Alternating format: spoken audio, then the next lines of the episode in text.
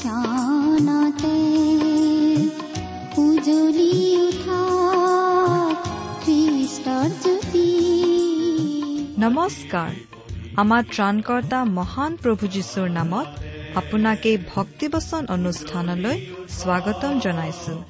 এয়া মুকলি কৰিছো ঈশ্বৰৰ জীৱিত বাক্যৰ ধাৰাবাহিক অনুষ্ঠান ভক্তিবচন।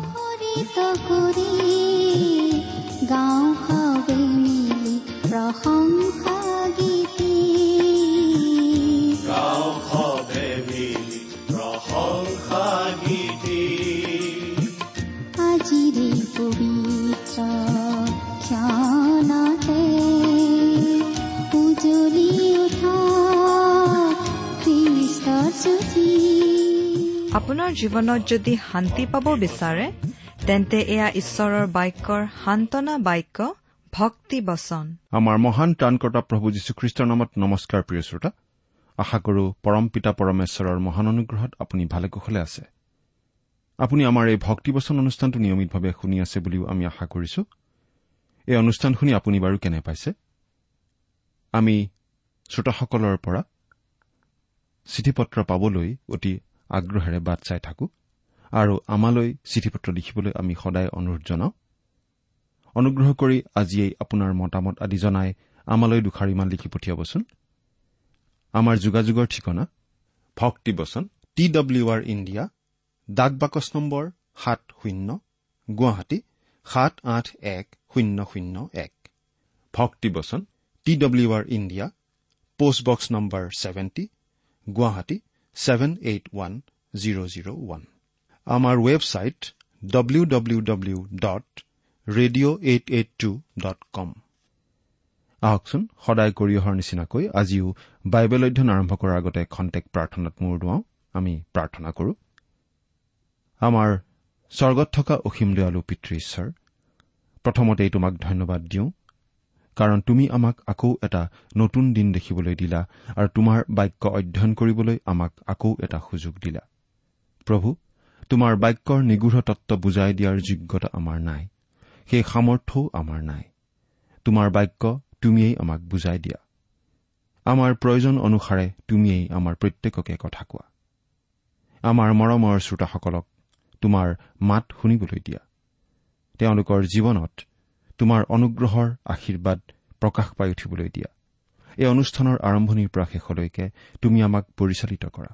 কিয়নো এই প্ৰাৰ্থনা আমাৰ পাপৰ প্ৰায়চিত্ৰ কৰিবলৈ ক্ৰুচত প্ৰাণ দি তৃতীয় দিনা পুনৰ জি উঠি এতিয়া স্বৰ্গত আমাৰ বাবে নিবেদন কৰি থকা ত্ৰাণকৰ্তা প্ৰভু যীশুখ্ৰীষ্টৰ নামত আগবঢ়াইছো।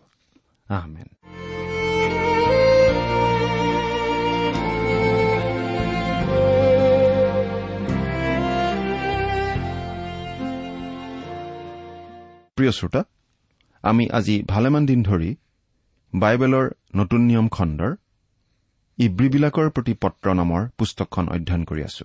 নহয়নে বাৰু? আমি যোৱা অনুষ্ঠানত এই ইব্ৰী পত্ৰখনৰ তেৰ নম্বৰ অধ্যায়ৰ দুই নম্বৰ পদলৈকে পঢ়ি আমাৰ আলোচনা আগবঢ়াই নিছিলো।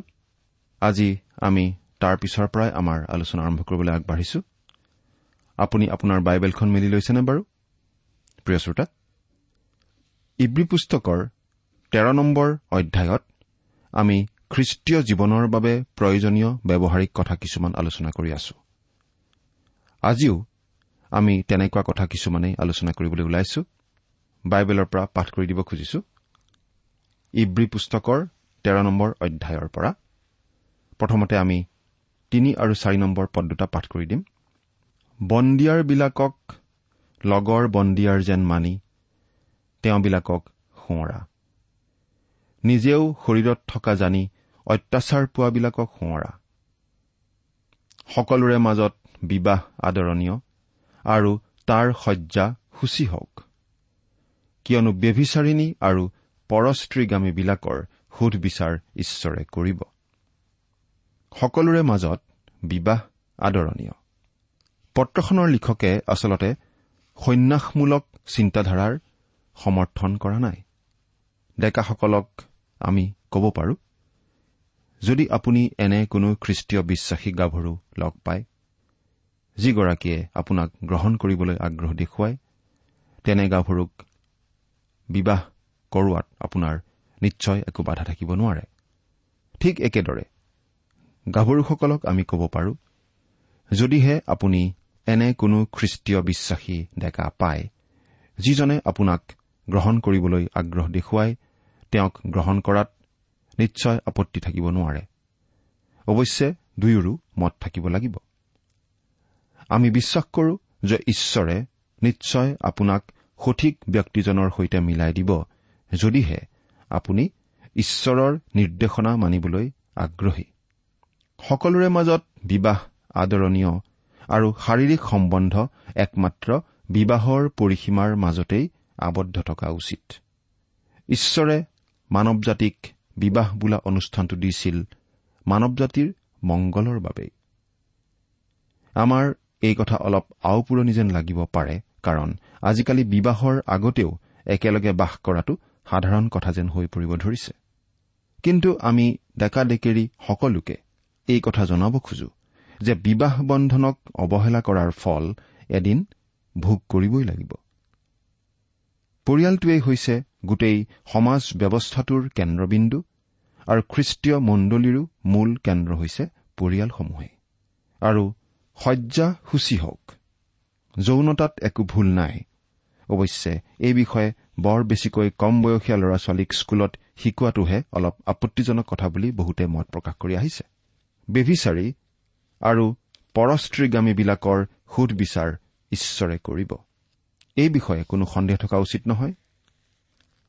আমি গালাটীয়া ছয় নম্বৰ অধ্যায়ৰ সাত নম্বৰ পদত এই বুলি পঢ়িবলৈ পাওঁ তোমালোক ভ্ৰান্ত নহবা।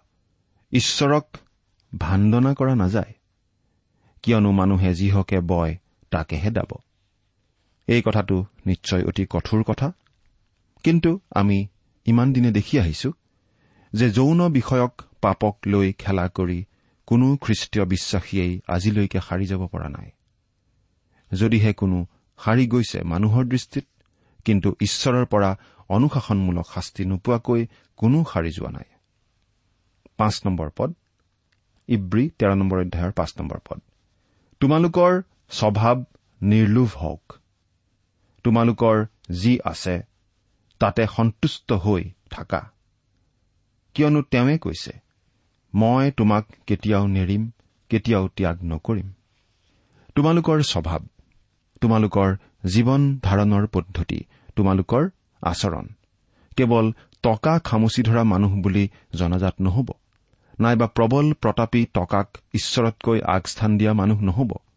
ঈশ্বৰে আপোনাক কৌটিপতি নকৰিব পাৰে কিন্তু তেওঁ আপোনাক কেতিয়াও নেৰে কেতিয়াও পৰিত্যাগ নকৰে। তেওঁ আপোনাক সেই বুলি কোৱাটো বাৰু অতি সুন্দৰ কথা নহয়নে? আপুনি কোন আৰু কি কাম কৰে সেইটো ডাঙৰ কথা নহয়। যদি আপুনি ঈশ্বৰৰ বাক্যলৈ বিশ্বাসেৰে সঁহাৰি দিছে তেনেহলে আপোনাক এনে এটা অৱস্থালৈ লৈ অহা হ'ল যে আপুনি জানিব পাৰে যে ঈশ্বৰে আপোনাক কেতিয়াও নেৰে কেতিয়াও পৰিত্যাগ নকৰে। আমি নিশ্চয় জানো যে আমাৰ বহুতো বন্ধু আছে যিসকলে আমাক কেতিয়াবা নহয় কেতিয়াবা এৰি দিব পাৰে। আমাৰ তেনেকুৱা সম্বন্ধীয় মানুহো থাকিব পাৰে। কিন্তু প্ৰভু যীশুৱে মোক কেতিয়াও পৰিত্যাগ নকৰে। তেওঁ আপোনাৰ পক্ষতো নিশ্চয় আছে যদিহে আপুনি তেওঁক আপোনাৰ ত্ৰাণকৰ্তা বুলি গ্ৰহণ কৰিছে। ছয় নম্বৰ পদ। এতেকে আমি সাহেৰে ক'ব পাৰো প্ৰভু মোৰ সহায়কৰ্তা মই ভয় নকৰিম। মানুহে মোক কি কৰিব? এই পত্ৰখন লিখাৰ কিছু বছৰ পাছতেই জিৰচালেম জিহুদীয়া আৰু চমৰীয়াত থকা জিহুদী খ্ৰীষ্টীয় বিশ্বাসীসকলে নানা ধৰণৰ শাস্তি আৰু তাৰণাৰ সন্মুখীন হ'ব লাগিব। তেওঁলোকে এই কথাটো মনত ৰখাৰ প্ৰয়োজন আছিল যে ঈশ্বৰে তেওঁলোকক কেতিয়াও পৰিত্যাগ নকৰে। এতেকে আমি সাহেৰে ক'ব পাৰো যে প্ৰভু মোৰ সহায়কৰ্তা মই ভয় নকৰিম। মানুহে মোক কি কৰিব? এখন পশ্চিমীয়া দেশৰ সৈনিক কিছুমান বেলেগ বেলেগ দেশত যুদ্ধ কৰি যুদ্ধবন্দী হ'ব লগা হৈছিল। তেতিয়া সেই পশ্চিমীয়া দেশৰ বহুতো লোকে সেই যুদ্ধবন্দীসকলৰ অৱস্থা কি হ'ব বুলি বৰ হুলস্থুল কৰিছিল। তেওঁলোকৰ বহুতে সেই দেশলৈ গৈ প্ৰতিবাদী সমদলো উলিয়াইছিল। কিন্তু যেতিয়া সেই যুদ্ধবন্দীসকলক মুকলি কৰি দিয়া হ'ল আৰু তেওঁলোক নিজৰ দেশলৈ উভতি আহিল তেতিয়া সেই হুলস্থুল কৰি থকা মানুহবোৰে সেই মুকলি হৈ অহা যুদ্ধবন্দীবোৰৰ প্ৰতি একো আগ্ৰহ দেখুওৱা হলে চকুত নপৰিল। তেনেদৰে মুকলি হৈ অহা বহুতো যুদ্ধবন্দীয়ে এই বুলি সাক্ষ্য দিছিল যে তেওঁলোকে যীশুত আশ্ৰয় লৈছিল আৰু যীশুৱেই তেওঁলোকক সহায় কৰিছিল। সংবাদ মাধ্যমে সেই কথাটো ভাল নাপালে আৰু সেই কথা প্ৰকাশ কৰিবলৈ বেয়া পালে। কিন্তু যীশুৱে তেওঁলোকক কেতিয়াও ত্যাগ কৰা নাছিল। তেওঁ তেওঁলোকৰ সংগী হৈ আছিল আৰু তেওঁলোকক সহায় কৰি আছিল। তেওঁৱেই আপোনাৰো নিত্য সংগী হৈ আপোনাকো সহায় কৰিব। আন আন মানুহে আমাক বৰ বেছি একো সহায় কৰিব নোৱাৰে।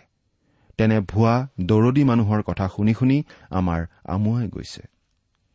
আমি যীশুৰ কথালৈহে কাণ দিব খোজো কাৰণ তেওঁ আমাক কেতিয়াও নেৰে কেতিয়াও পৰিত্যাগ নকৰে। এতিয়া সাত নম্বৰ পদটো পঢ়ি দিম। তোমালোকৰ যি নায়কসকলে তোমালোকক ঈশ্বৰৰ বাক্য কৈ গ'ল তেওঁবিলাকক সোঁৱৰা। আৰু তেওঁবিলাকৰ আচৰণৰ শেষ গতি চাই চিন্তি তেওঁবিলাকৰ বিশ্বাসৰ অনুকাৰী হোৱা। আমি কাৰ অনুকাৰী হ'ব লাগে? যি নায়কসকলে আমাক ঈশ্বৰৰ বাক্য কয়। কিন্তু আমি তেওঁবিলাকৰ আচৰণৰ শেষ গতি চাই চিন্তি তেওঁলোকৰ বিশ্বাসৰ অনুকাৰী হ'ব লাগে। অৰ্থাৎ যাৰে তাৰে অনুকাৰী আমি হ'ব নালাগে।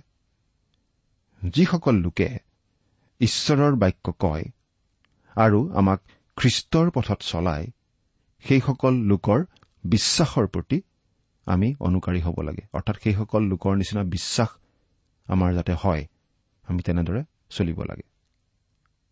কিন্তু আমি কাৰোবাৰ অনুকাৰী হোৱাৰ আগতে তেনে লোকৰ আচৰণৰ শেষ গতি চাই চিন্তি ল'ব লাগে।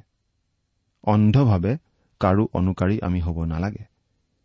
বিশেষকৈ এই শেষ কালত এই মন্দ কালত আমি অধিক সাৱধান হোৱা উচিত কাৰণ মানুহক অপথে নিবলৈ বহুতো ভাৰী কোৱা ভুৱা ভাৱবাদী ভুৱা শিক্ষক আমাৰ মাজত সোমাই পৰিছেহি। গতিকে ফলৰ দ্বাৰাই যেনেকৈ গছক চিনা যায় তেওঁলোকৰ আচৰণৰ শেষ গতিৰ দ্বাৰাই তেওঁলোকৰ বিশ্বাস প্ৰকৃত বিশ্বাস হয় নে নহয় সেইটো চিনি পাইহে তেওঁলোকৰ অনুকাৰী হ'ব লাগে। আঠ নম্বৰ পদ যীশুখ্ৰীষ্ট কালি আজি আৰু সদাকাললৈকে সেই একে হৈ আছে। যীশুখ্ৰীষ্ট। ঈশ্বৰৰ বাক্যত সকলো পৰিকল্পিতভাৱে নিয়াৰিকৈ ঘটে। কোনো শব্দই এনেই অবাবতে ঈশ্বৰে ব্যৱহাৰ নকৰে। যীশু হৈছে তেওঁৰ মানুহৰূপী নাম। খ্ৰীষ্ট হৈছে তেওঁৰ উপাধি বা পদবী। এই যীশু শব্দই তেওঁৰ ঈশ্বৰত্বক বুজায়। যীশু শব্দটোৱেই তেওঁক মানুহৰ সৈতে সংলগ্ন কৰি দিয়ে। এই শব্দটোৱে তেওঁক সৰ্বকালৰ শ্ৰেষ্ঠ অভিনৱ মানৱস্বৰূপে প্ৰকাশ কৰে। এই পৃথিৱীত থকা অৱস্থাত তেওঁ মানুহৰূপে আছিল। তেওঁ মানুহ আছিল বাবেই তেওঁক আন মানুহে আগুৰি ধৰিছিল। জনগণে তেওঁক ভাল পাইছিল তেওঁৰ পিছে পিছে গৈছিল। মানুহে যীশুৰ মানৱীয়তাক ভাল পাইছিল। যীশুৱে দিয়া বাণী আৰু শিক্ষাবোৰহে বেয়া পাইছিল। খ্ৰীষ্ট শব্দটোৱে তেওঁ যে মচীহস্বৰূপে এই পৃথিৱীলৈ আহিছিল সেই কথাটো প্ৰকাশ কৰে। তেওঁ আছিল নৰ ৰূপত ঈশ্বৰ। তেওঁ যীশুখ্ৰীষ্ট। তেওঁ সলনি নহয়। তেওঁ একেই আছে। এই অপূৰ্ব পদটোৰ ব্যাখ্যা আগবঢ়াবলৈ নাইবা ইয়াৰ ওপৰত মন্তব্য ৰাখিবলৈ আমি নিজকে উপযুক্ত বুলি নাভাবো। কিন্তু আমি এই কথাটো ক'ব খোজো যে ঈশ্বৰৰ বাক্যৰ আন আন বহুতো পদৰ নিচিনাকৈ এই পদটোৰো অপব্যৱহাৰ কৰা হৈ থাকে। বহুতো মানুহে এনেদৰেও ক'ব খোজে দুহেজাৰ বছৰ আগতে যেতিয়া যীশু এই পৃথিৱীত আছিল তেওঁ অলৌকিক কাৰ্য সম্পাদন কৰিছিল গতিকে আজিও আমি তেনে অলৌকিক কাৰ্য সম্পাদন কৰা উচিত। দুহেজাৰ বছৰ আগতে তেওঁ মানুহৰ বেমাৰ সুস্থ কৰিছিল গতিকে আমিও আজি তাকে কৰা উচিত। তেওঁ আজিও একেই কাম কৰি আছে। যীশুখ্ৰীষ্ট একেই আছে। কিন্তু আমি এই কথা বুজি কোৱা উচিত তেওঁ কেনেদৰে একে আছে? যীশু একেই আছে। তেওঁৰ চৰিত্ৰ একেই আছে। তেওঁৰ ব্যক্তিত্ব একেই আছে। তেওঁৰ গুণসমূহ একেই আছে। কিন্তু তেওঁৰ স্থান আৰু পৰিচৰ্যাৰ ধৰণহে বেলেগ হৈছে। এতিয়া তেওঁ পিতৃ ঈশ্বৰৰ সিংহাসনৰ সোঁহাতে বহি আমাৰ বাবে অৰ্থাৎ প্ৰতিজন খ্ৰীষ্টীয় বিশ্বাসীৰ বাবে নিবেদন কৰি আছে। ইব্ৰী আঠ নম্বৰ অধ্যায়ৰ এক নম্বৰ পদত আমি এই বুলি পঢ়িবলৈ পাওঁ ওপৰত কোৱা কথাবোৰৰ সাৰ কথা এই যিজনা স্বৰ্গত মহামহিমৰ সিংহাসনৰ সোঁফালে বহিল। প্ৰভু যীশুৱেই আমাৰ বিশ্বাসৰ আদি আৰু সিদ্ধিকৰ্তা। আজিৰ পৰা দুহেজাৰ বছৰ আগতে আমাৰ হৈ কৰিবলগীয়া সকলোখিনি কৰি আমাৰ মুক্তি সম্ভৱপৰ কৰি থলে। মানৱৰ পৰিত্ৰাণৰ কাৰণে ক্ৰুচত প্ৰাণ দি তেওঁ তৃতীয় দিনা পুনৰ জি উঠি আকৌ সৰগলৈ গ'ল আৰু এতিয়া পিতৃ ঈশ্বৰৰ সিংহাসনৰ সোঁহাতে বহিল। কিন্তু তেওঁ এদিন আকৌ আহিব। সেইদিনা তেওঁ আহিব ৰজা হিচাপে।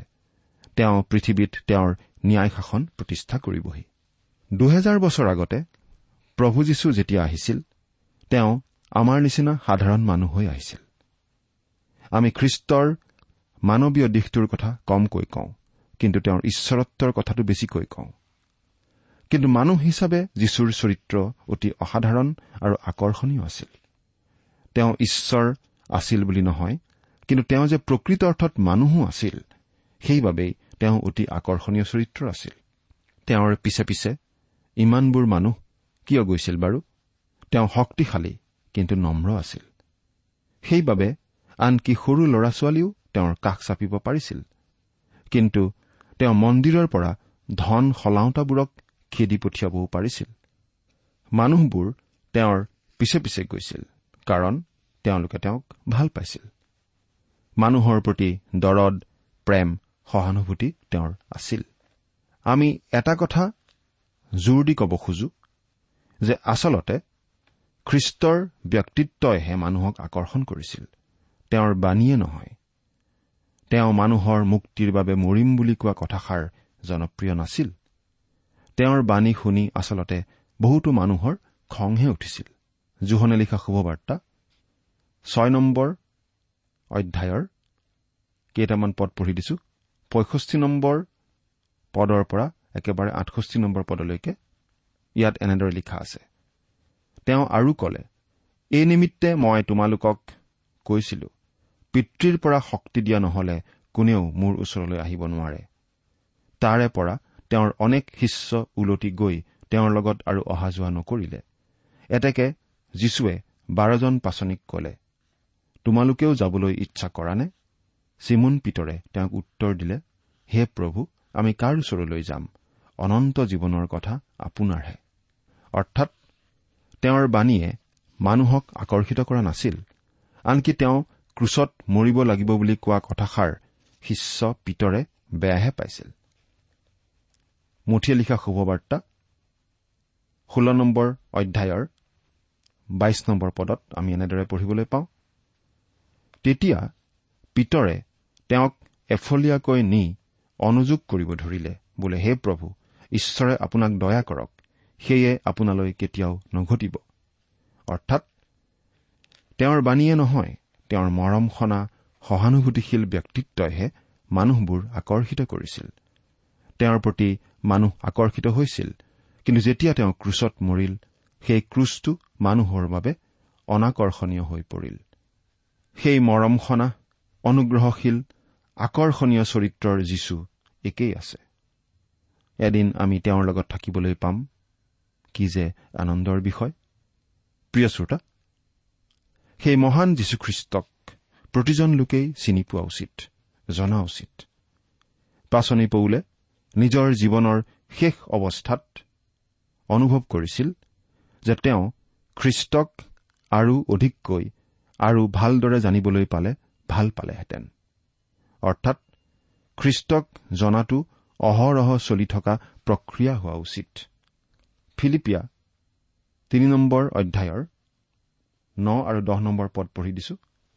আৰু মোৰ নিজ ধাৰ্মিকতা অৰ্থাৎ বিধানৰ পৰা পোৱা ধাৰ্মিকতাৰ ধাৰ্মিক নহয় খ্ৰীষ্টত বিশ্বাস কৰাৰ দ্বাৰাই যি ধাৰ্মিকতা অৰ্থাৎ ঈশ্বৰৰ পৰা পোৱা বিশ্বাসমূলক ধাৰ্মিকতাৰেই ধাৰ্মিক হৈ যেন খ্ৰীষ্টক লাভ কৰো। আৰু তেওঁত আৱিষ্কৃত হওঁ। আৰু কোনোমতে মৃতবিলাকৰ পুনৰুত্থানৰ ভাগি হবৰ কাৰণে মই খ্ৰীষ্টৰ মৃত্যুৰ সমৰূপ হৈ তেওঁক আৰু তেওঁৰ পুনৰুত্থানৰ শক্তি আৰু তেওঁৰ দুখ ভোগৰ সহভাগিতা যেন জানিবলৈ পাওঁ। প্ৰিয় শ্ৰোতা খ্ৰীষ্টক বাৰু আমি কিমান ভালদৰে জানো? তেওঁক আৰু অধিককৈ জানিবলৈ মন নাযায়নে? এতিয়া ইব্ৰী তেৰ নম্বৰ অধ্যায়ৰ ন নম্বৰ পদটো পঢ়ি দিওঁ। তোমালোক নানাবিধ নতুন শিক্ষাৰ দ্বাৰাই বিপথে চালিত নহবা। কিয়নো যি আহাৰ তাক ব্যৱহাৰ কৰাবিলাকৰ হিতজনক নহল নানাবিধ মতবাদে আজিও মানুহক খেলি মেলিত পেলায়। সেই সময়তো পেলাইছিল। প্ৰভু যীশুৰ দ্বিতীয় আগমনৰ আগে আগে ভুৱা শিক্ষক ভাৱবাদী আদিৰ সংখ্যা বৃদ্ধি পাব বুলি বাইবেলত স্পষ্টভাৱে জনাই দিয়া হৈছে। আমি অধিক সাৱধান হোৱাৰ প্ৰয়োজন কাৰণ সেই দিন চমু চাপি আহিছে। নানাবিধ নতুন শিক্ষাৰ দ্বাৰা আমি বিপথে পৰিচালিত নহবলৈ সাৱধানে থকা উচিত। এইখিনিতে আমি এটা মন কৰিবলগীয়া কথা আছে। খোৱা বোৱাৰ নামতো খ্ৰীষ্টীয় বিশ্বাসীসকলক বহুতো লোকে বিভ্ৰান্ত কৰিব খোজে। আমাৰ সুস্বাস্থ্যৰ বাবে খাদ্যৰ প্ৰয়োজন। তাত আমাৰ একো সন্দেহ নিশ্চয় নাই। কিন্তু ঈশ্বৰৰ লগত আমাৰ সম্বন্ধৰ ক্ষেত্ৰত আমাৰ খাদ্যই একো প্ৰভাৱ নেপেলায়। আমি কি খাওঁ তাৰ দ্বাৰা আমি ধাৰ্মিক বুলি গণিত নহওঁ বা অধাৰ্মিক বুলিও গণিত নহওঁ। বাইবেলত লিখা আছে প্ৰথম কৰিন্ঠিয়া আঠ নম্বৰ অধ্যায়ৰ আঠ নম্বৰ পদ। খোৱা বস্তুৱে ঈশ্বৰৰ আগত আমাক গ্ৰাহ্য নকৰাব। আমি নাখালেও আমাৰ হানি নহয় বা খালেও আমাৰ বৃদ্ধি নহয়। আমি কি খাওঁ? সেয়া আমাৰ শৰীৰৰ বাবেহে। কিন্তু আমি আমাৰ আম্মিক স্বাস্থ্যৰ বাবে ঈশ্বৰৰ বাক্য নিয়মিতভাৱে ভোজন কৰিবলৈ পাহৰিব নালাগে। সেইটোহে আচল কথা। দহ নম্বৰ পদ। সেই আহাৰৰ দ্বাৰাই নহয় অনুগ্ৰহৰ দ্বাৰাইহে হৃদয় থিৰ কৰা ভাল। যি বেদীত ভোজন কৰিবলৈ তম্বুত আৰাধনা কৰাবিলাকৰ ক্ষমতা নাই এনে এটি বেদী আমাৰ আছে। ইয়াত পুৰণি নিয়মৰ দিনৰ ইছৰাইল জাতিৰ লগত তুলনা এটা দিয়া হৈছে। খ্ৰীষ্টীয় বিশ্বাসীসকলৰ আজি এখন উত্তম শ্ৰেষ্ঠ বেদী আছে। এই বেদী মানে প্ৰভুভোজৰ মেজখন নহয় কিন্তু। এই বেদী আছে স্বৰ্গত। এই বেদী মানেই হৈছে স্বৰ্গত থকা অনুগ্ৰহৰ সিংহাসন। সেই সিংহাসন আছিল সুধ বিচাৰৰ সিংহাসন। সেই সিংহাসনৰ পৰা আমি মাত্ৰ দণ্ড শাস্তি পোৱাৰহে যোগ্য আছিলো। কিন্তু প্ৰভু যীশুৱে তেওঁৰ তেজ আগবঢ়াই সেই সিংহাসন আমাৰ বাবে অনুগ্ৰহৰ সিংহাসন কৰি তুলিলে। আজি আমি সেই অনুগ্ৰহৰ সিংহাসনৰ আগলৈ আহি অনুগ্ৰহ আৰু পৰিত্ৰাণ লাভ কৰিব পাৰো। প্ৰিয় শ্ৰোতা খ্ৰীষ্টীয় বিশ্বাসীসকলে প্ৰকৃত সহভাগিতা কেনেদৰে উপভোগ কৰিব পাৰে জানেনে? একমাত্ৰ ঈশ্বৰৰ বাক্যৰ কাষত গোট খোৱা বিশ্বাসীসকলেহে প্ৰকৃত অৰ্থত সহভাগিতা উপভোগ কৰিব পাৰে। ঈশ্বৰৰ বাক্যই আমাক খ্ৰীষ্টৰ সৈতে মুখামুখি কৰোৱায়। সম্পূৰ্ণ গৌৰৱ আৰু মহিমাৰে সৈতে খ্ৰীষ্টক আমাৰ আগত উপস্থিত কৰোৱাই ঈশ্বৰৰ বাক্যইহে। আৰু তেতিয়াহে আমি আন আন খ্ৰীষ্টীয় বিশ্বাসীৰ সৈতে প্ৰকৃত সহভাগিতা উপভোগ কৰিব পাৰো। প্ৰিয় শ্ৰোতা আমাৰ প্ৰভু যীশু অপূৰ্ব অভিনৱ। তেওঁৰ সহভাগিতা আমি সততেই উপভোগ কৰিবলৈ আগ্ৰহ দেখুওৱা উচিত। আপুনি বাৰু তেনে আগ্ৰহ দেখুৱাইনে চিন্তা কৰি চাওকচোন। ঈশ্বৰে আপোনাক আশীৰ্বাদ কৰক। আহমেন প্ৰেম কৰো। মই তোমাকে প্ৰেম মই তোমাকে প্ৰেম কৰো পিছলে উভতি নাযা তোমাৰ আগঠিৰ নত কৰি যদি যাব পাৰো তোমাৰ পথে দুকষ্ট আহিলে জীৱন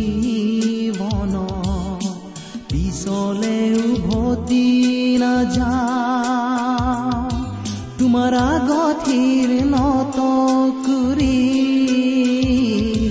যদি যাব পারু তোমার পথে দুকষ্ট আহিলে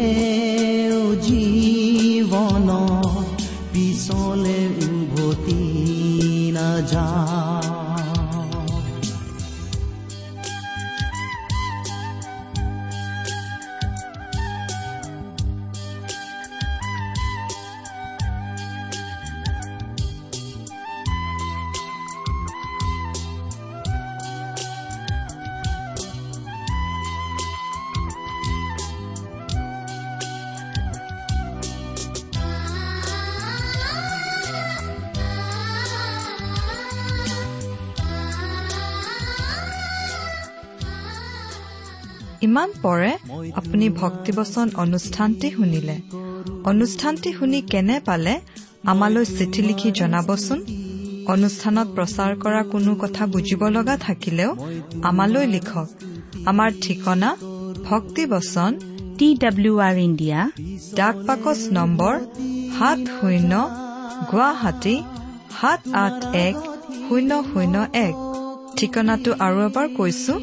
ভক্তিবচন টি ডাব্লিউ আৰ ইণ্ডিয়া ডাক পাকচ নম্বৰ সাত শূন্য গুৱাহাটী সাত আঠ এক শূন্য শূন্য এক। আপুনি ইমেইল যোগেৰেও আমাৰ সৈতে যোগাযোগ কৰিব পাৰে। আমাৰ ইমেইল আইডিটো হৈছে Assamese T TV at radio' eight eight two dot com. আইডিটো আকৌ এবাৰ কৈছো। Assamese T TV at radio' eight eight two dot com. আপুনি টেলিফোনৰ মাধ্যমেৰেও আমাক যোগাযোগ কৰিব পাৰে। আমাৰ টেলিফোন নম্বৰটো হৈছে শূন্য তিনি ছয় এক দুই ছয় শূন্য চাৰি ছয় সাত এক। ফোন নম্বৰটো আকৌ এবাৰ কৈছো zero' three six one two six zero' four six seven one. আজিৰ অনুষ্ঠানটি ইমানতে সামৰিছো। ঈশ্বৰৰ শান্তি আৰু অনুগ্ৰহ আপোনাৰ লগত থাকক। ধন্যবাদ।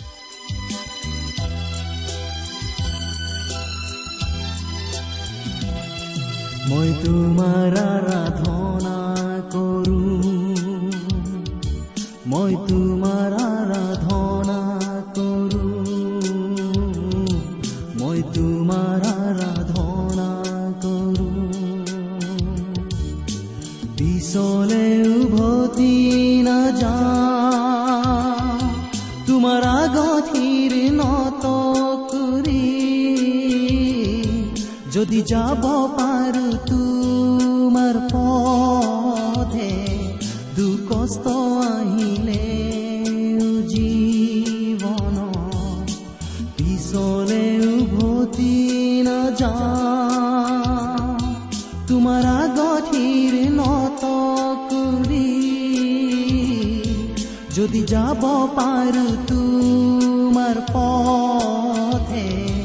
দুকষ্ট আহিলে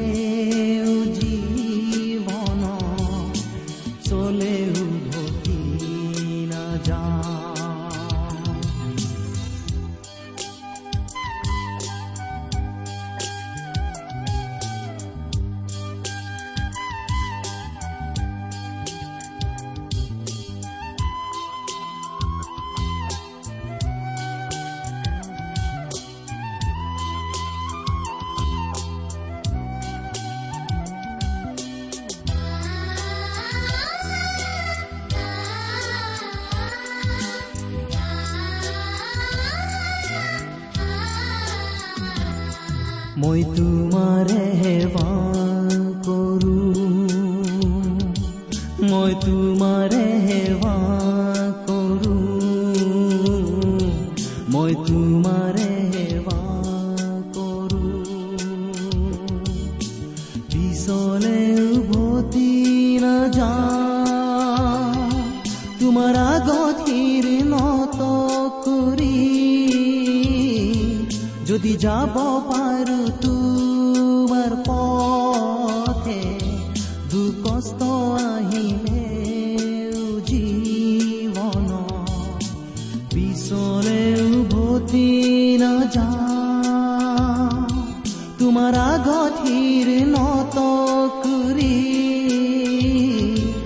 যদি যাব পাৰো